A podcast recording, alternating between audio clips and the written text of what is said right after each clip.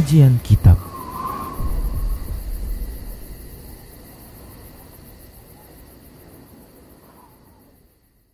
Bismillah, Assalamualaikum warahmatullahi wabarakatuh. Innal hamdalillah Nahmaduhu wa nasta'inuhu wa nastaghfiruh Wa na'udhu billahi min syururi anfusina wa min sayyiati a'malina. Man yahdihillah fala mudilla lah wa man yudlilhu fala hadiyalah وأشهد أن لا إله إلا الله وحده لا شريك له وأشهد أن محمدا عبده ورسوله صلى الله عليه وسلم. قال الله تبارك وتعالى يا أيها الذين آمنوا اتقوا الله حق تقاته ولا تموتن إلا وأنتم مسلمون.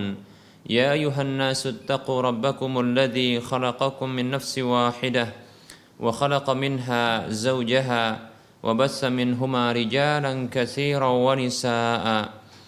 واتقوا الله الذي تساءلون به والأرحام. إن الله كان عليكم رقيبا.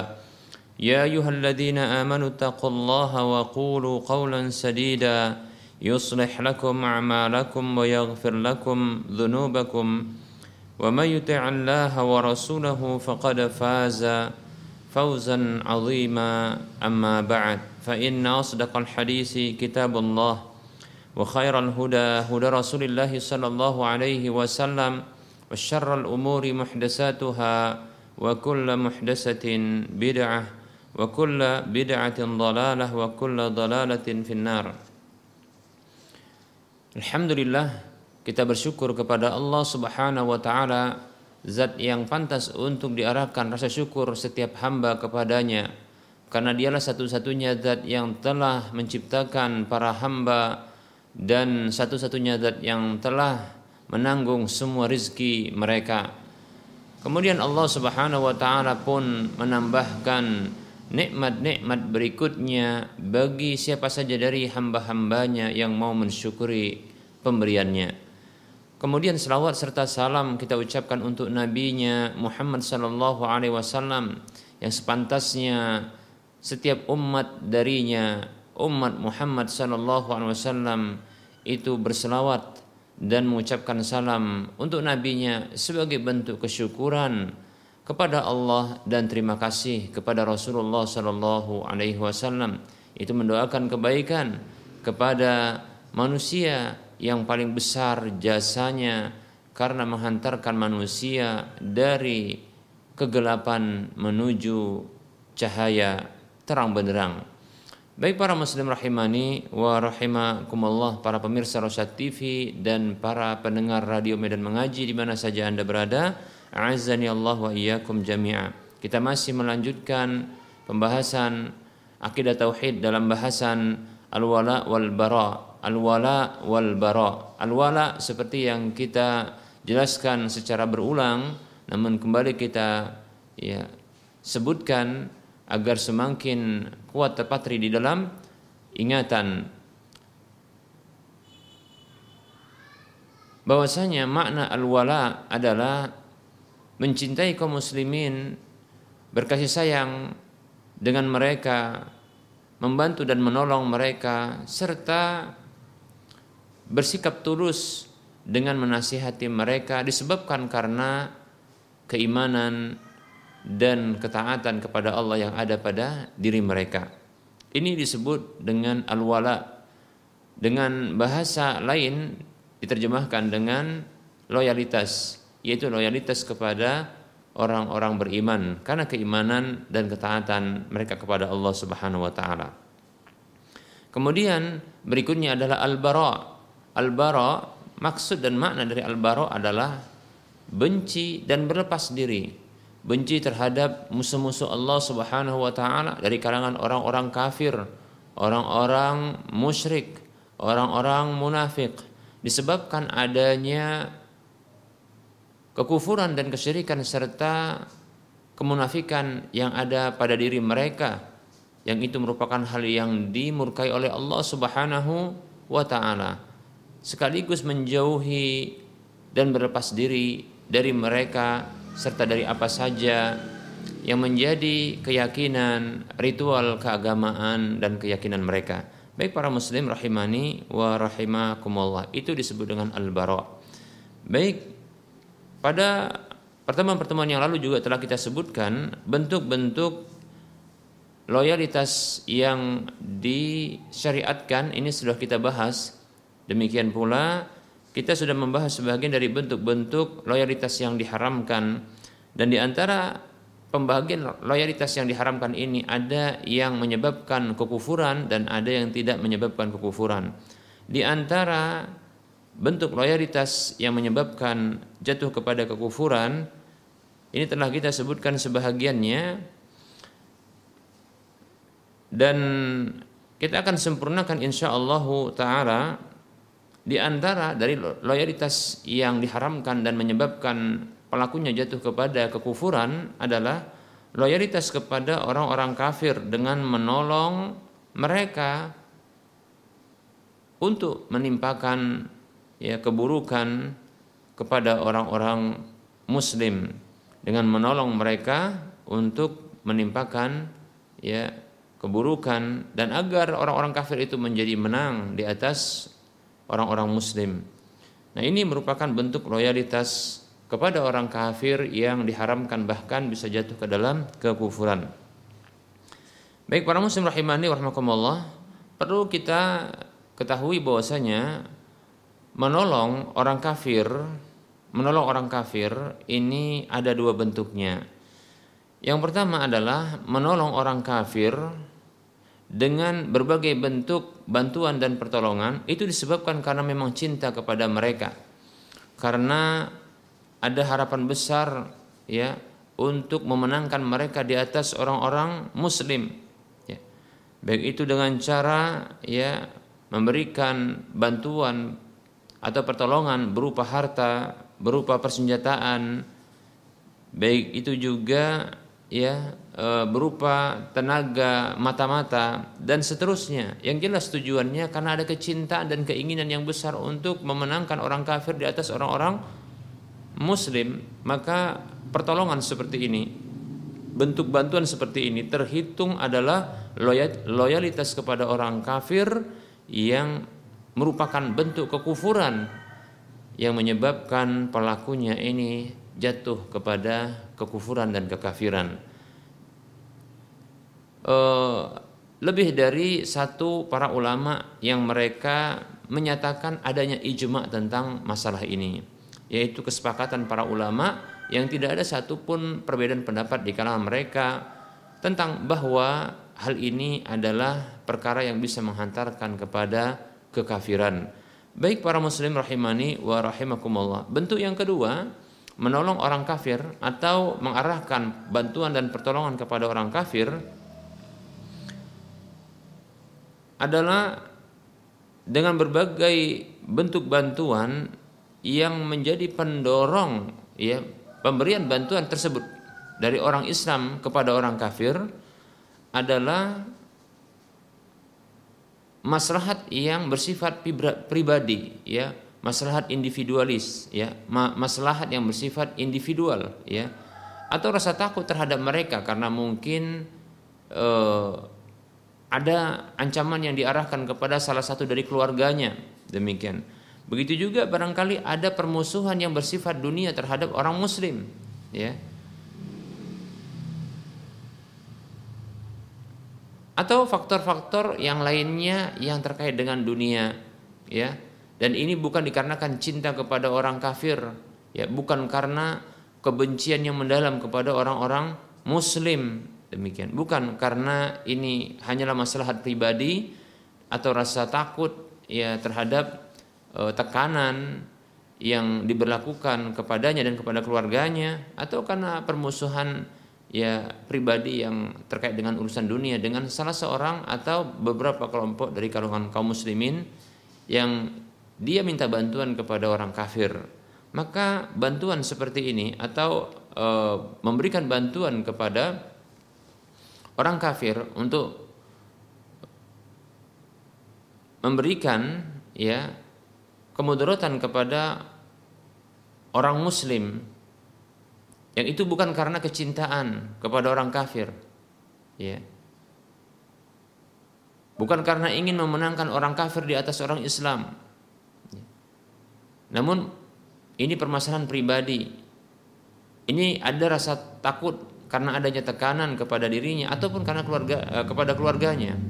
Atau karena ada permusuhan ya kepada orang-orang muslim tersebut yang sifatnya juga pribadi lantas ia pun membantu orang-orang kafir untuk memberikan eh, keburukan menimpakan keburukan kepada orang orang tersebut yang dia benci.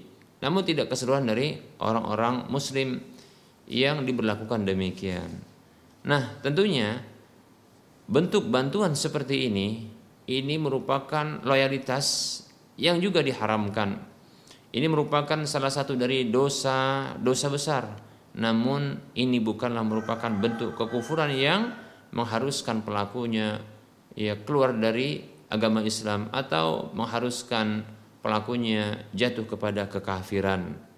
Baik para muslim rahimani rahimakumullah di antara dalil yang menunjukkan bahwa bantuan seperti ini itu tidak menyebabkan pelakunya itu jatuh kepada kekufuran adalah apa yang dinyatakan oleh Al-Imam At-Tahawi berupa ijma para ulama bahwa mata-mata yang dia seorang muslim namun dia dipekerjakan oleh orang kafir untuk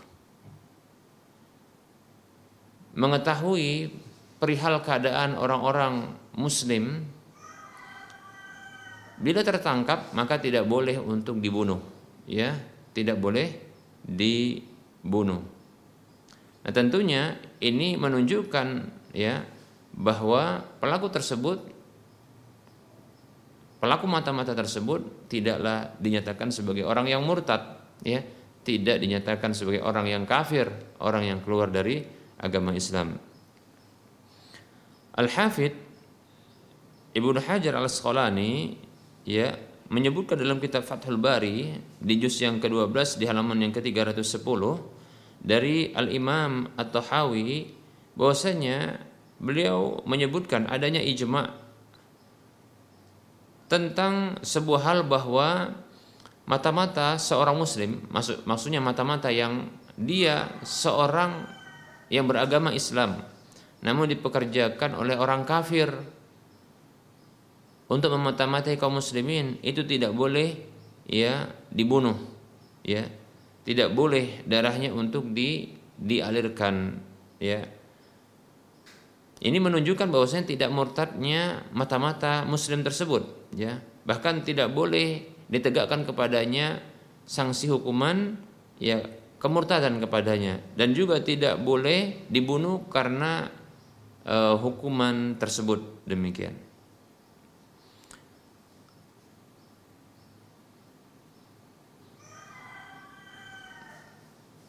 Sementara Imam Qurtubi dalam kitab Al-Mufhim begitu juga ya Al-Qadi Iyad dalam kitab eh, dalam kitab Ikmalul Muallim ya begitu juga Ibnul Mulqin dalam atau Ibnu Mulaqqin dalam kitab Al-I'lam Al-Hafid ya dalam kitab Fathul Bari ya, menyatakan bahwa ini pendapat dari jumhur ulama ya demikian. Nah, mereka menyebutkan ada sebahagian ulama yang lain menyatakan bolehnya untuk dibunuh tapi bukan karena murtadnya. Ya bukan karena murtadnya tapi sebagai bentuk hukuman atas tindakannya. Ya demikian.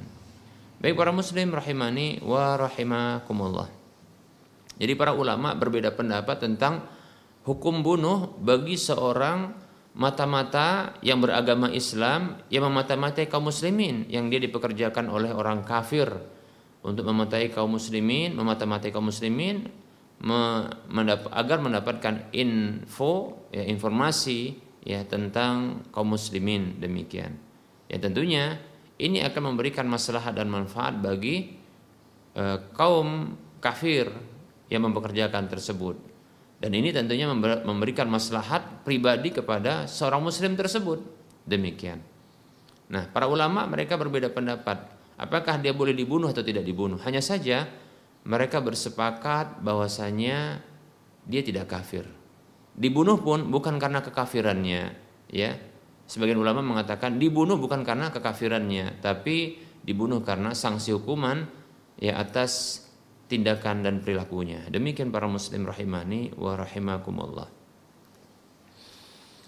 Oh, dalil yang menjadi sandaran ijma ini ya. Yaitu tindakan Hatib Ibnu Abi Balta'ah radhiyallahu anhu. Ya. Radhiyallahu anhu. Di mana Hatib Ibnu Abi Balta'ah mengirimkan surat kepada karib kerabatnya yang ada di kota Mekah. Kita ulangi, Hatib Ibnu Abi Balta'ah ya ketika mendapatkan informasi bahwa Nabi Shallallahu Alaihi Wasallam dan kaum muslimin ini akan menaklukkan kota Mekah. Ya menaklukkan kota Mekah dan akan mengirimkan pasukan ya ke kota Mekah bersama dengan Rasulullah Shallallahu Alaihi Wasallam. Maka sahabat ini Hatib ibnu Abi Baltaah radhiyallahu anhu ini menulis sebuah surat kepada kaum musyrikin yang ada di Mekah mengkabarkan kepada mereka ya bahwa Nabi Wasallam bersama dengan pasukan itu menuju mereka.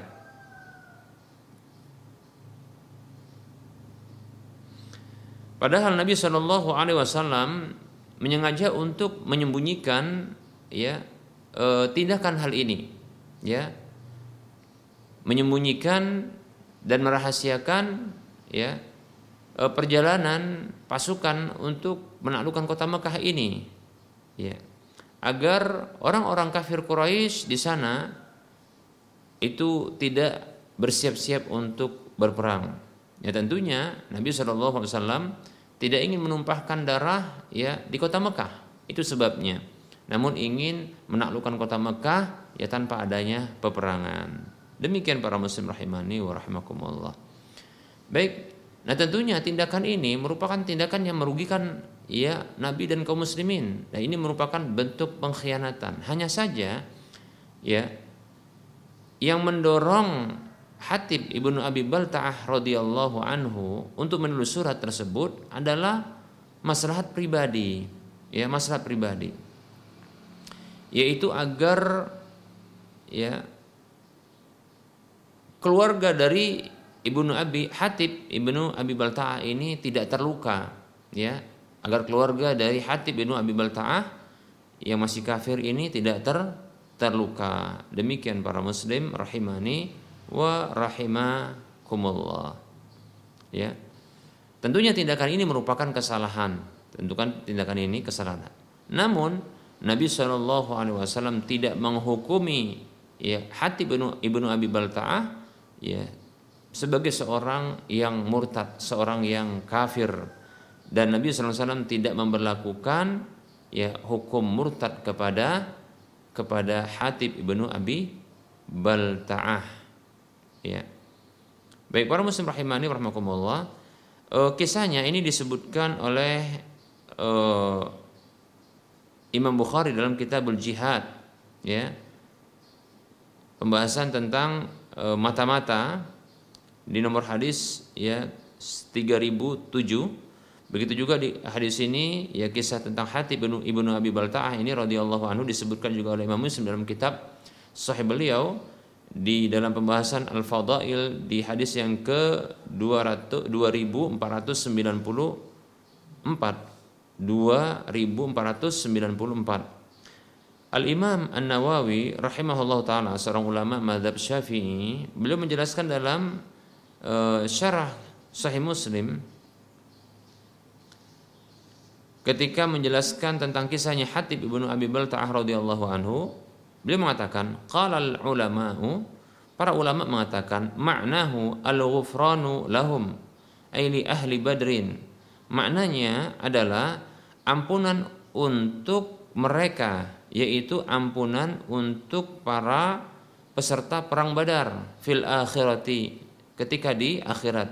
Wa illa falau tawaj falau tawajjaha ala ahadin minhum haddun aw ghairuhu uqima alaihi fid dunya. Nah kalaulah tidak ya maka kalau andaikan diarahkan kepada salah seorang di antara mereka ya.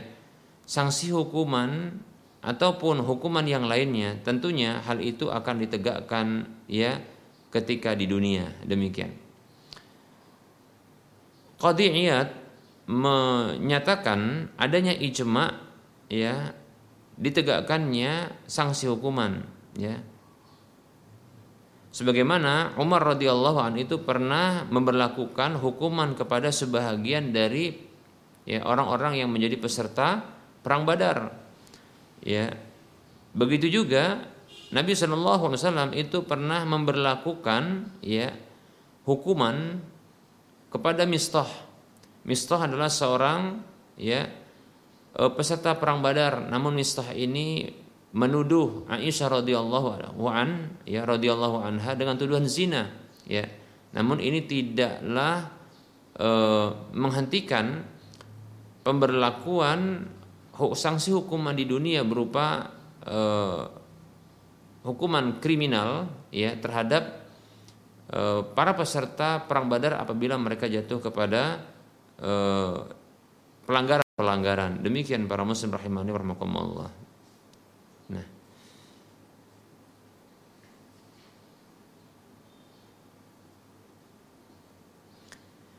Baik para muslim rahimani wa rahimakumullah. Nah, yang dilakukan oleh Hatib ibnu, ibnu Abi Balta'ah radhiyallahu anhu ini merupakan tindakan kesalahan dan ini kesalahan yang fatal. Namun, ya Nabi SAW tidaklah menghukumi ya, dengan kemurtadannya tidak dihukumi keluar dari Islam, tidak dinyatakan kekafiran, bahkan tidaklah beliau diberikan sanksi hukuman tersebut demikian. Nah ini menunjukkan kepada kita bahwasanya apa yang dilakukannya yaitu bentuk bantuan kepada orang kafir, ya. Bentuk bantuan kepada orang kafir ini ya membocorkan rahasia Nabi Shallallahu Alaihi Wasallam ya. Ini kepada orang kafir dan tentunya ini bentuk membantu ya orang kafir itu ya. Maka ini ketika alasannya adalah alasan pribadi ya dan bukan karena kebencian kepada kaum muslimin dan juga bukan karena kecintaan yang besar kepada orang-orang kafir namun masalah pribadi yaitu untuk menyelamatkan saudara-saudaranya senasab ya yang masih ada di kota Mekah agar tidak e, terbunuh. Namun hal ini tentunya akan menyebabkan e, kerugian bagi kaum muslimin yang ini tidak diperkirakan eh, oleh Hatib ibnu Abi Baltaah. Namun Nabi SAW tidak menghukumi ya hal tersebut sebagai bentuk kekufuran ya demikian yang menyebabkan pelakunya tentunya keluar dari Islam. Tidak termasuk kekufuran yang menyebabkan pelakunya keluar dari Islam. Demikian para muslim rahimani wa rahimakumullah. Baik para muslim rahimani wa rahimakumullah. Nah, ini merupakan bentuk ya atau contoh-contoh yang kita sebutkan adalah contoh-contoh atau bentuk-bentuk dari al-wala yaitu loyalitas kepada orang kafir yang diharamkan dan bisa menyebabkan pelakunya ini keluar dari Islam. Yang tadi kita sebutkan adalah membantu orang kafir untuk menimpakan keburukan kepada kaum muslimin atau memenangkan orang-orang kafir ya terhadap kaum muslimin. Itu disebabkan karena cinta terhadap mereka dan keinginan yang besar untuk memenangkan orang kafir di atas kaum muslimin ya. Demikian. Adapun apabila pendorongnya adalah eh, maslahat pribadi atau rasa takut yang ini eh, rasa takut munculnya tekanan. Demikian pula eh, rasa takut ya terhadap tekanan orang kafir terhadap pribadi maupun terhadap keluarga begitu juga karena dorongan permusuhan pribadi kepada sebagian dari kaum muslimin ya maka ini tidaklah menyebabkan ya kemurtadan sang pelakunya. Demikian para muslim rahimani wa rahimakumullah. Syekhul Islam Ibnu Taimiyah rahimahullahu taala di dalam kitab Majmu' Al-Fatawa di juz yang ketujuh di halaman yang ke-523 ketika beliau menjelaskan tentang orang-orang kafir ya waqad tahassala lirrajuli mawaddatuhum lirahimin aw hajatin fatakunu dzamban yanqusu bihi imanahu wa la yakunu bihi kafiran kama hasala min hatibin lamma kataba al-musyrikin bi ba'd al-akhbar an-nabi sallallahu alaihi wasallam wa anzala Allah fihi ya ayyuhalladzina amanu la tattakhid la, la tattakhidhu la tattakhidhu aduwi wa aduwakum awliya'a tulquna ilaihim bil mawaddah fi suratil mumtahana al-ayah al-ula wa kama hasala li Sa'd ibni Ubadah lamma intasara libni Ubay fi qissatil ifki faqala li La taqdiru ala qatlihi قالت عائشة وكان قبل ذلك رجلا صالحا ولكن احتمله احتملته الحمية. ولهذا الشبهة ولهذه الشبهة سم عمر حاطبا منافقا. فكان عمر متأولا في تسميته منافقا لشبهة التي فعلها. Baik, berkata Syekhul Islam Ibnu Taimiyah rahimahullahu taala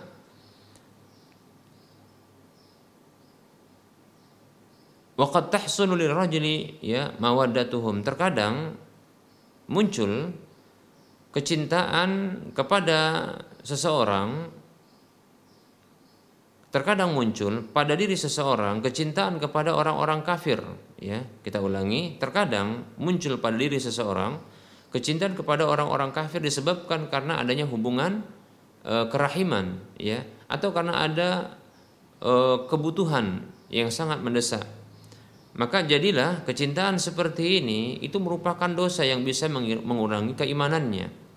Namun hal itu ya tidaklah menyebabkan kekafiran bagi dirinya. Demikian sebagaimana yang terjadi e, dari kisahnya Hatib tatkala ia menulis ya surat kepada orang-orang musyrik ya untuk mengkabarkan ya e, rahasia Nabi Shallallahu sebagian rahasia Nabi Shallallahu alaihi wasallam dan Allah Subhanahu wa taala menurunkan firman-Nya tentang Hatib ini.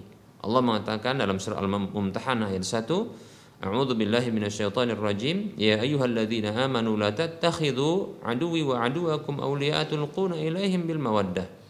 Wahai orang-orang beriman, janganlah kalian menjadikan musuhku musuhmu dan uh, musuhku dan musuhmu ya sebagai orang-orang yang kalian berwala kepada mereka yang kalian arahkan ya kecintaan itu kepada mereka. Demikian ya. Nah di sini Allah Subhanahu wa taala masih menyebut ya e, dengan seruan orang beriman menunjukkan Hatib ibnu Abi Baltah Baltaah ini masih orang beriman. Hanya saja tindakan itu merupakan tindakan kesalahan yang tentunya bisa mengurangi keimanan. Itu merupakan dosa tentunya.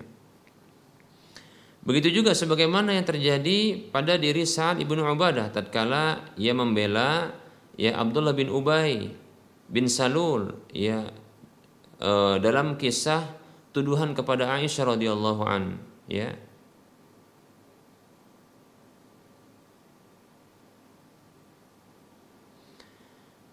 Demikian para muslim rahimani wa rahimakumullah. Baik para muslim rahimani wa rahimakumullah. Nah, ini eh, penjelasan ya tentang loyalitas ya, loyalitas kepada orang-orang kafir yang diharamkan ya. Namun eh, bentuk contoh bentuknya adalah ya memberikan bantuan kepada orang-orang kafir tersebut. Nah, ini dibagi dua sebagaimana yang telah kita jelaskan ya. Ini ada disebabkan karena cinta dan keinginan yang besar untuk ya memenangkan orang-orang kafir di atas kaum muslimin. Ini maka merupakan bentuk kekufuran. Haram namun ini mengandung kekufuran yaitu menyebabkan pelakunya jatuh kepada kekafiran. Namun ada yang bantuan kepada orang kafir ini tidak menyebabkan kekufuran ya tidak menyebabkan pelakunya jatuh kepada kekafiran. Yaitu apabila bantuan kepada orang kafir ini ya itu dorongannya adalah dorongan maslahat pribadi ya begitu juga dorongannya karena rasa takut ya terhadap tekanan pada diri maupun keluarga ya orang muslim tersebut atau karena ada permusuhan yang sifatnya juga pribadi kepada sebagian dari kaum muslimin yang ada sebagian orang kafir yang ketika itu ingin menimpakan keburukan kepada musuhnya tersebut ya sehingga dia pun membantunya. Nah, ini tidaklah menyebabkan ya orang tersebut jatuh ke dalam kekafiran namun dia jatuh kepada dosa besar ya dosa besar ya yang ini bisa mengurangi keimanannya ya ini merupakan ya pelanggaran dan berhak juga menurut sebagian ulama ya untuk diberikan sanksi hukuman ya. Wallahu taala alam. Baik kita cukupkan untuk penyampaian materi. Insya Allah taala pada waktu mendatang kita akan bahas jenis yang kedua dari loyalitas loyalitas yang diharamkan namun tidak sampai menyebabkan pelakunya ya jatuh kepada kekufuran atau kekafiran insya Allah taala kita akan sebutkan ya uh, bentuk-bentuknya pada waktu mendatang. Wallahu taala alam. Berikutnya kita akan lanjutkan dengan sesi soal jawab. Kita mencoba menjawab pertanyaan yang telah masuk ada pertanyaan Assalamualaikum warahmatullahi wabarakatuh. Ustadz akhir-akhir ini teman saya diganggu oleh jin kafir di rumahnya. Dan dia diberi saran oleh pamannya untuk menaburkan garam di rumahnya. Karena teman saya ini takut. Dia tidak berani menjelaskan kepada pamannya itu. Bagaimana eh, bahwasanya itu merupakan kesyirikan? Apakah boleh dia tetap melakukan menaburkan garam di sekitar rumahnya? Namun dia tidak berkeyakinan garam itu sebagai pengusir jin jin tersebut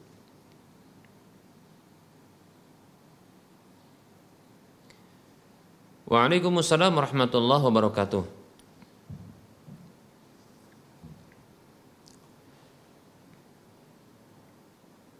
Mengusir jin dengan menaburkan garam, ya, ini e, merupakan satu tindakan upaya atau disebut dengan akhdul asbab, yaitu mengambil sebab yang harus ditinjau secara syar'i maupun secara qadari agar pengambilan sebab seperti ini, upaya seperti ini dalam bahasa kita adalah uh, ikhtiar ya. Ini bisa menjadi benar ya. Baik, apabila kita lihat secara syar'i, dalil-dalil syar'i, wallahu taala alam saya tidak dapatkan dalil ya tentang keutamaan garam. Ya, garam ini memiliki Eh, pengaruh yang dijadikan oleh Allah Subhanahu wa taala, yang dijelaskan oleh Allah Subhanahu wa taala baik itu dalam Al-Qur'an maupun hadis Nabi, ini mampu untuk bisa mengusir jin. Demikian, seperti itu. Sehingga dari tinjauan dari syar'i ini tidak terpenuhi. Kemudian tidak terpenuhi sebagai sebab ya. Kemudian dari tinjauan eh, qadari ya. Yaitu uh, garam tersebut apakah dia memiliki pengaruh yang dijadikan oleh Allah Subhanahu wa taala padanya? Ya untuk bisa mengusir jin-jin tersebut. Wallahu taala alam ya. Yang kita tahu bahwasanya garam ini ini ditakuti oleh uh, beberapa hewan-hewan yang dia melata ya yang uh, seperti lintah atau seperti sebagian ular ya ini apabila terkena air garam maka uh, mengalami uh, mungkin rasa perih ya pada kulitnya demikian ya. Wallahu taala alam. Namun apabila ya jin dan setan ini tentunya ya saya pribadi tidak mendapatkan keterangan dari para ahli. Sehingga dari tinjauan qadari ya ini pun tidak didapatkan. Sehingga eh, penaburan garam di sekitar rumah ini tidak tepat untuk mengusir jin Kalaupun seandainya tidak dilakukan, maka silahkan menaburkan garam ya di sekitar rumah. Itu fungsinya adalah untuk e, menghentikan sebagian hewan-hewan yang mereka ini sangat sensitif dengan garam, seperti contohnya lintah. Kalau di wilayah sebagian e, Sumatera ini ada namanya disebut dengan pacet ya, yang dia mirip mirip lintah hanya saja lebih kecil ya. Yang ini juga mengisap darah. Namun apabila terkena e, garam maka ini akan menyebabkan kematiannya ya. Apabila kena garam dalam jangka waktu yang cukup lama. Demikian nah ini barangkali bisa dilakukan dengan alasan tersebut bukan untuk mengusir jin demikian.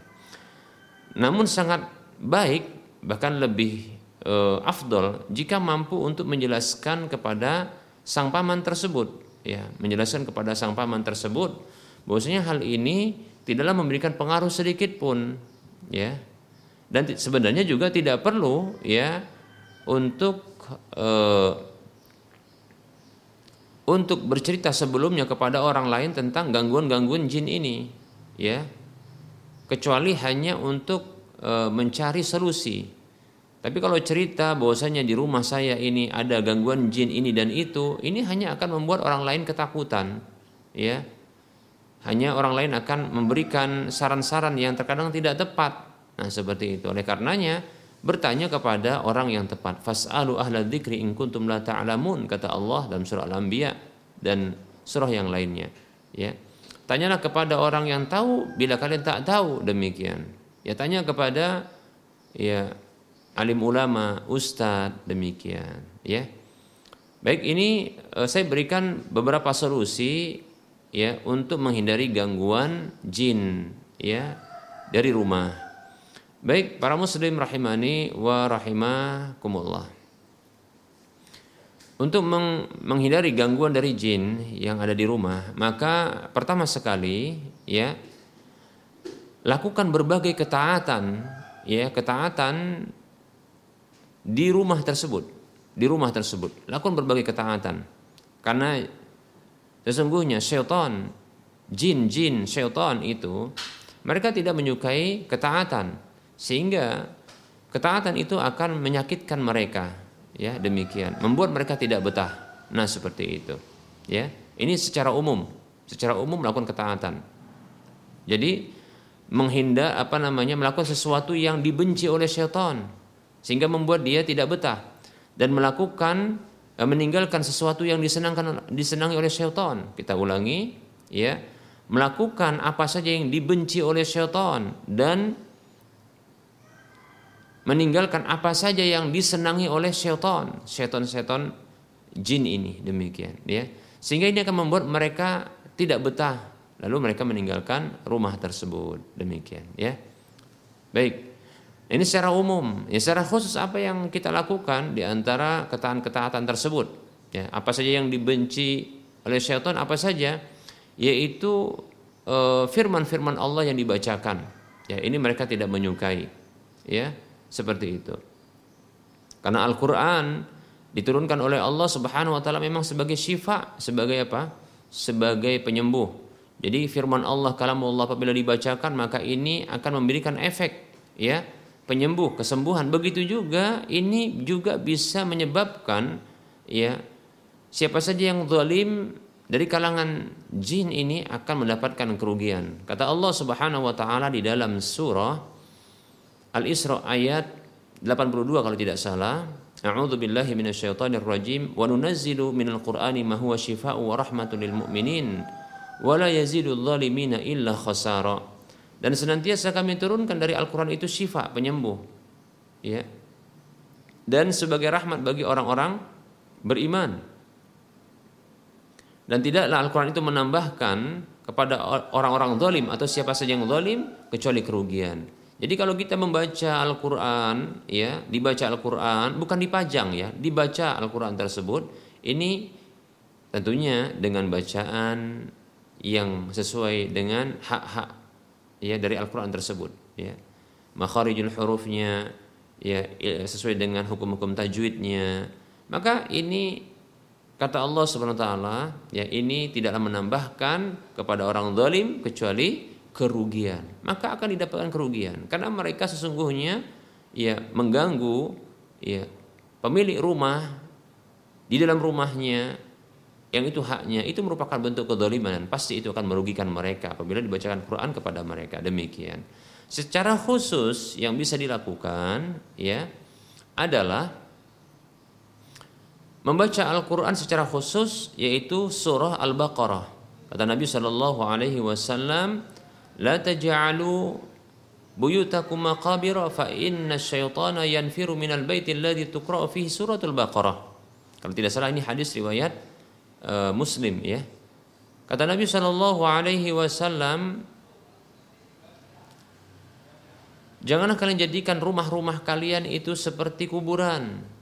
Karena sesungguhnya syaitan itu lari dari rumah yang dibacakan di dalamnya surah Al-Baqarah. Silakan bacakan surah Al-Baqarah di dalamnya atau dilantunkan ya murattal bacaan surah Al-Baqarah di dalamnya.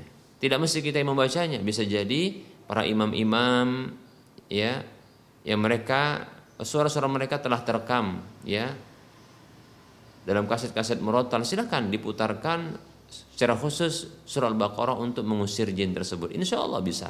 Ya, demikian. Begitu juga e, bisa membaca doa ya doa-doa ketika keluar rumah atau ketika masuk rumah. Demikian itu bisa dilakukan. Ketika masuk rumah baca bismillah jangan lupa. Ya ketika rumah ketika masuk rumah baca bismillah kemudian ketika menutup pintu baca bismillah menutup jendela baca bismillah. Demikian seperti itu. Ya demikian. Ya seperti itu.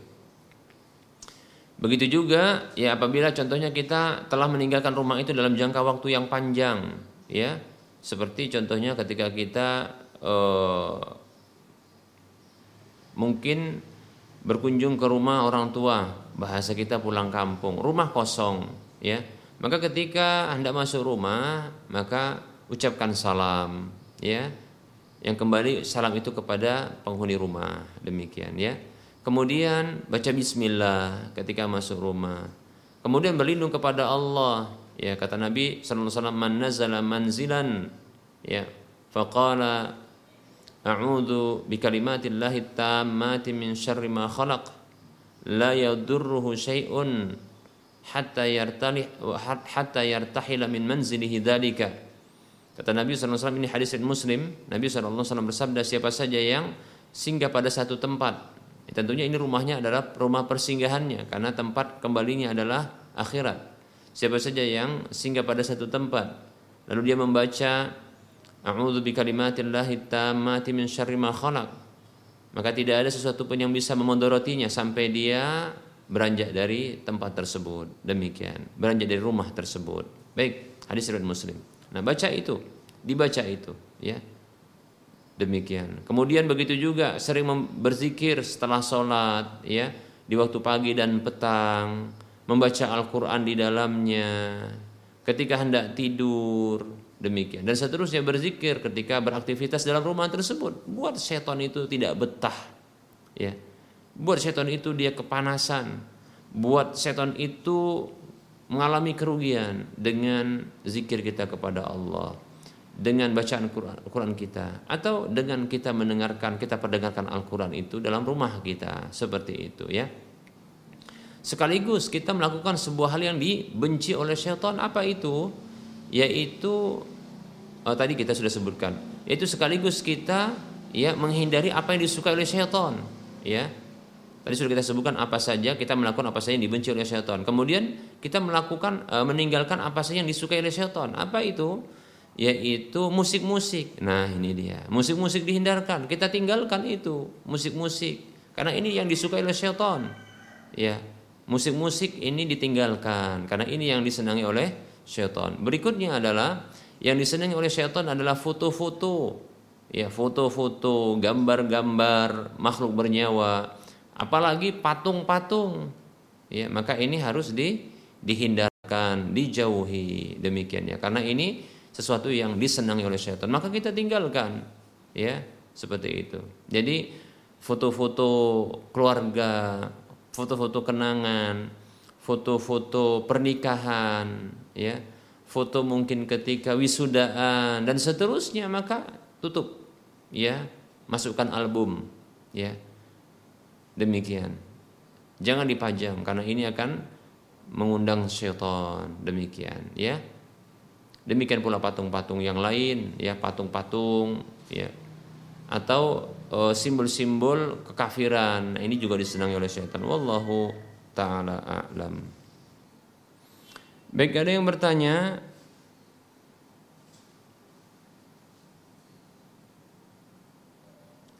Bismillah, Assalamualaikum Ustaz. Izin bertanya Apa hukum Sholat seseorang yang lupa berwudu Namun sudah mandi janabah di awal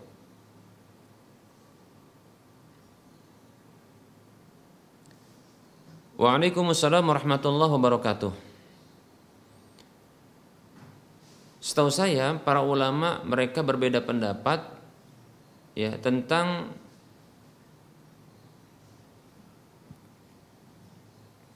kondisi sucinya seseorang yang sedang junub atau memiliki hadas besar yang diangkat ya dengan cara mandi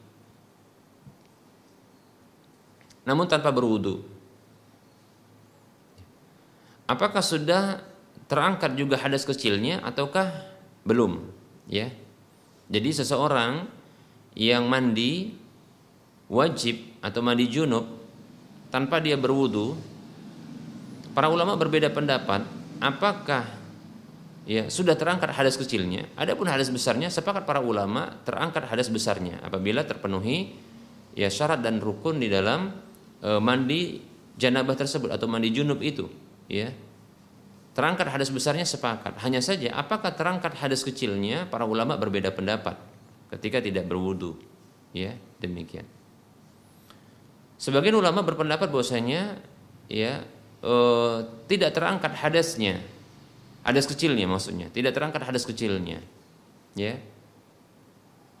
Mengapa demikian? Karena e, pengangkatan atau cara mengangkat hadas besar dengan hadas kecil satu yang berbeda. Ya, ini satu yang berbeda. Bahkan dalam tata cara mandinya Nabi Shallallahu Alaihi Wasallam itu Nabi SAW disebutkan dalam hadis Aisyah radhiyallahu anha dan Ummu Salamah radhiyallahu anha Rasulullah SAW itu dikabarkan itu mandi dengan cara berwudu terlebih dahulu, ya, membasuh anggota wudu, ya, demikian. Berwudu terlebih dahulu yang sebelumnya adalah cebok ya demikian. Seperti itu. Sehingga disebutkan uh, oleh pendapat yang pertama ini ya tidak terangkatnya hadas kecil ya bila tidak berwudu karena Nabi SAW membiasakan adalah berwudu sebelum mandi. Ini menunjukkan dua hal yang berbeda seperti itu ya. Nah. Kemudian pendapat yang kedua menyatakan bahwasanya ya terangkat hadas kecilnya ketika ya mengangkat hadas besar. Karena hadas kecil itu tercakup dalam hadas besar. Ya. Apabila dilakukan tindakan ya bentuk toharoh untuk mengangkat hadas besar maka tercakup di dalamnya adalah hadas kecil demikian wallahu taala alam saya condong kepada pendapat yang kedua ini bahwasanya ya hadas besar ya itu mampu uh, hadas besar ini mencakup dengan hadas mencakup hadas kecil dan apabila dilakukan tindakan untuk mengangkat hadas besar dengan cara mandi maka tercakup di dalamnya adalah ya hadas kecil ya mencakup di dalamnya adalah ya ter, terangkat pula hadas kecilnya seperti itu ya. ketika dilakukan tata cara mandi untuk mengangkat hadas besar maka tercakup ya hadas kecilnya juga yang terangkat demikian ya lebih-lebih dalam proses mandi bukankah juga membasuh atau mengenai anggota-anggota wudhu demikian seperti itu ya. Demikian. Nah sehingga pendapat yang kedua ini sesungguhnya menyatakan bahwa di antara sunnah-sunnah mandi, ya mandi wajib adalah sunnah yang hukumnya sunat adalah berwudu terlebih dahulu. Dan berwudu itu bukanlah wajib tapi adalah sunat ya demikian. Sunat saja untuk penyempurna eh, tata cara mandi wajib tersebut ya.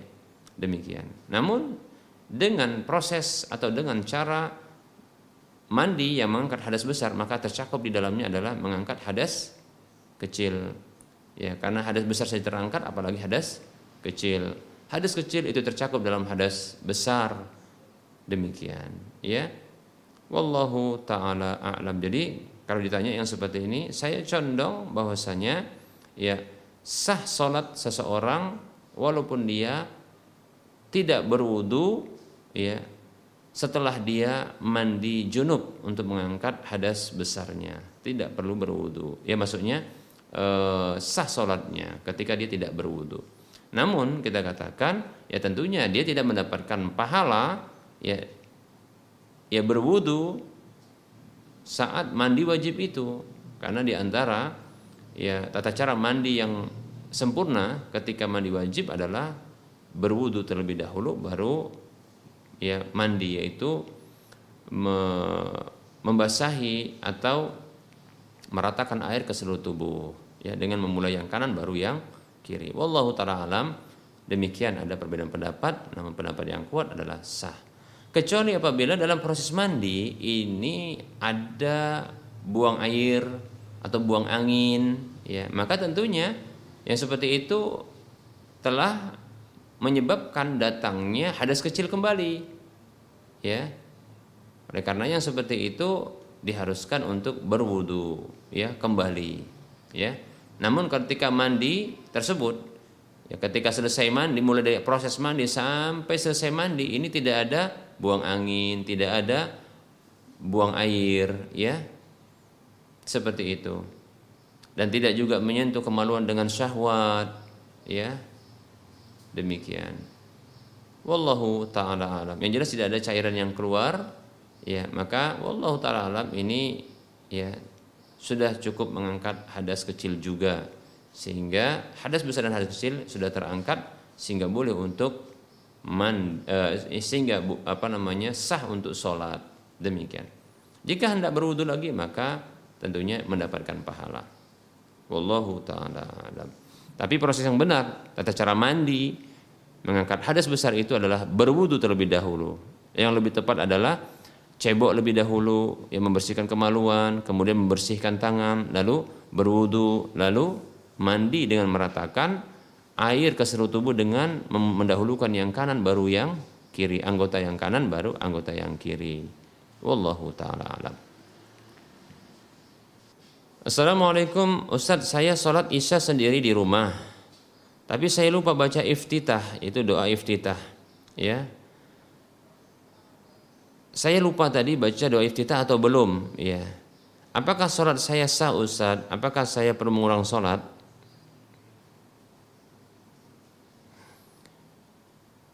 Waalaikumsalam warahmatullahi wabarakatuh. Ketahui bahwasanya tidak ada di kalangan para ulama yang berpendapat bahwa doa iftitah merupakan eh, syarat atau rukun sholat. Tidak ada ya. Hanya saja para ulama berbeda pendapat. Doa iftitah itu wajib atau sunat demikian ya. Wajib ataukah sunat bagi berpendapat sunat seperti contohnya eh, para ulama madhab syafi'i ya ini pendapat mu'tamad yaitu pendapat yang kuat di kalangan eh, para ulama madhab syafi'i bahwa Doa iftitah adalah hukumnya sunat sehingga apabila ditinggalkan tidak berdosa dan sah ya salatnya demikian. Adapun menurut sebagian ulama madhab Hambali Dan ini juga pendapat yang tamat di kalangan mereka bahwasanya doa iftitah itu adalah wajib untuk dibaca demikian ya, wajib untuk dibaca. Hanya saja kalau lupa sebuah kewajiban itu lupa untuk dibaca, maka eh, ini tidaklah membuat ya tidaklah memberikan pengaruh bagi sholat tersebut ya hanya saja dianjurkan untuk sujud sahwi di akhirnya ya. Hanya saja dianjurkan untuk sujud sahwi di di akhirnya di akhir sholat tersebut ya. Dengan dua kali sujud ya. Dua kali sujud. Demikian. Kalaupun lupa ya lupa juga untuk melakukan sujud sahwi maka sah insya Allah taala. Jadi ditinjau dari madhab mana pun insya Allah taala dalam kasus yang ditanyakan ini maka sah solatnya tidak perlu mengulang. Wallahu taala a'lam ada pertanyaan Assalamualaikum warahmatullahi wabarakatuh saya mau bertanya Bila orang tua saya bersikeras ingin melakukan pinjaman ribawi dan membutuhkan saya sebagai penjamin, namun saya kemudian menolak. Di sini saya mau bertanya pada skema pinjaman, bila mana orang tua saya memang memaksakan terjadinya pinjaman tersebut, maksudnya hutang ya. Apakah bagaimana cara negosiasi atau menyampaikan kepada pemberi pinjaman riba tersebut agar saya tidak terkena konsekuensi secara finansial dan legal atas transaksi mereka dengan orang tua saya. dan bila saya terlepas dalam akad tersebut, namun orang tua saya wan prestasi, apakah secara syariat saya harus melunasi? Baik, ya yang pertama sekali kita jawab Waalaikumsalam warahmatullahi wabarakatuh. Orang tua yang akan melakukan dosa, orang tua yang mereka memaksa anaknya untuk terlibat dalam dosa, ya.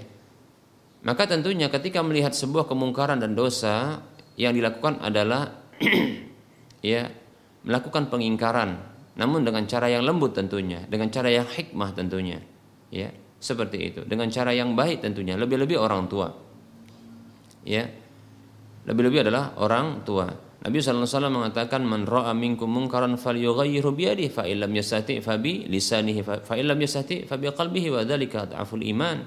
Siapa saja yang melihat kemungkaran di antara kalian maka rubahlah dengan tangannya. Kalau tak mampu maka dengan lisannya. Kalau tak mampu maka dengan hatinya. Dan itu adalah selemah-lemah iman. Itu hadis riwayat Muslim ya. Maka rubah dengan tangan atau rubah dengan lisan atau paling enggak ingkari dengan hati. Demikian baik berikutnya ya perlu diketahui bahwasanya tidak wajib taat kepada orang tua bagaimanapun bentuk paksaan mereka. Tidak boleh ya. Allah Subhanahu wa taala berfirman dalam surah Luqman ayat 15 kalau tidak salah Allah mengatakan a'udzu billahi minasyaitonir rajim wa in jahadaka ala an tusyrika bima laysa bihi ilm fala tuti'huma wa sahibu wa sahibahuma fid dunya ma'rufa. Kata Allah Subhanahu wa taala, apabila kedua orang tuamu memaksamu untuk melakukan kesyirikan kepadaku dengan apa saja yang kau tak mengetahui ilmunya, maka jangan kau taati keduanya. Jangan kau taati keduanya. Ini larangan Allah. Jangan mentaati kedua orang tua dalam durhaka kepada Allah. Tidak boleh, ya. Namun jangan juga berlaku ya kurang ajar dengan orang tua tapi Allah memerintahkan memerintahkan wasahibahuma fid dunya ma'rufa dan bergaulah dengan keduanya, kedua orang tua tersebut dengan cara yang baik. Lihat, ya. Kalaupun kita harus harus menolak keinginan orang tua, maka jelaskan dengan cara yang baik. Sampaikan ya dengan cara yang baik, namun tetap berlaku baik seterusnya. Demikian. Bahkan kasih opsi-opsi yaitu pilihan-pilihan yang menjadi solusi bagi orang tua. Demikian seperti itu, ya. Mungkin barangkali yang dibutuhkan dana, maka berikan ya dana itu tanpa harus berhutang kepada ya pihak-pihak atau lembaga-lembaga ribawi yang itu jelas riba. Ya riba yang ini merupakan ya dosa yang Allah Subhanahu wa taala akan memerangi riba tersebut. Kata Allah Subhanahu wa taala, "Ya ayyuhalladzina amanu ittaqullaha wa daru ma baqiya minar riba in kuntum mu'minin." Hei orang-orang beriman, bertakwa kepada Allah dan tinggalkan sisa riba bila kalian beriman. Fa illam taf'alu kalau kalian tak lakukan meninggalkan sisa riba itu atau riba tersebut ya. Fa'danu biharbi minallahi wa rasulih. Maka umumkanlah peperangan dengan Allah dan Rasulnya. Siapa yang sanggup memerangi Allah dan Rasulnya, maka tinggalkan riba. Ya.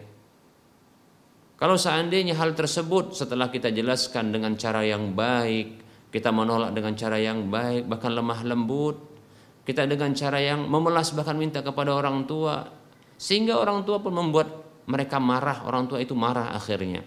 Maka jangan khawatirkan ya Seandainya kita dimusuhi oleh orang tua itu lebih mending ketimbang dimusuhi oleh Allah Subhanahu wa taala.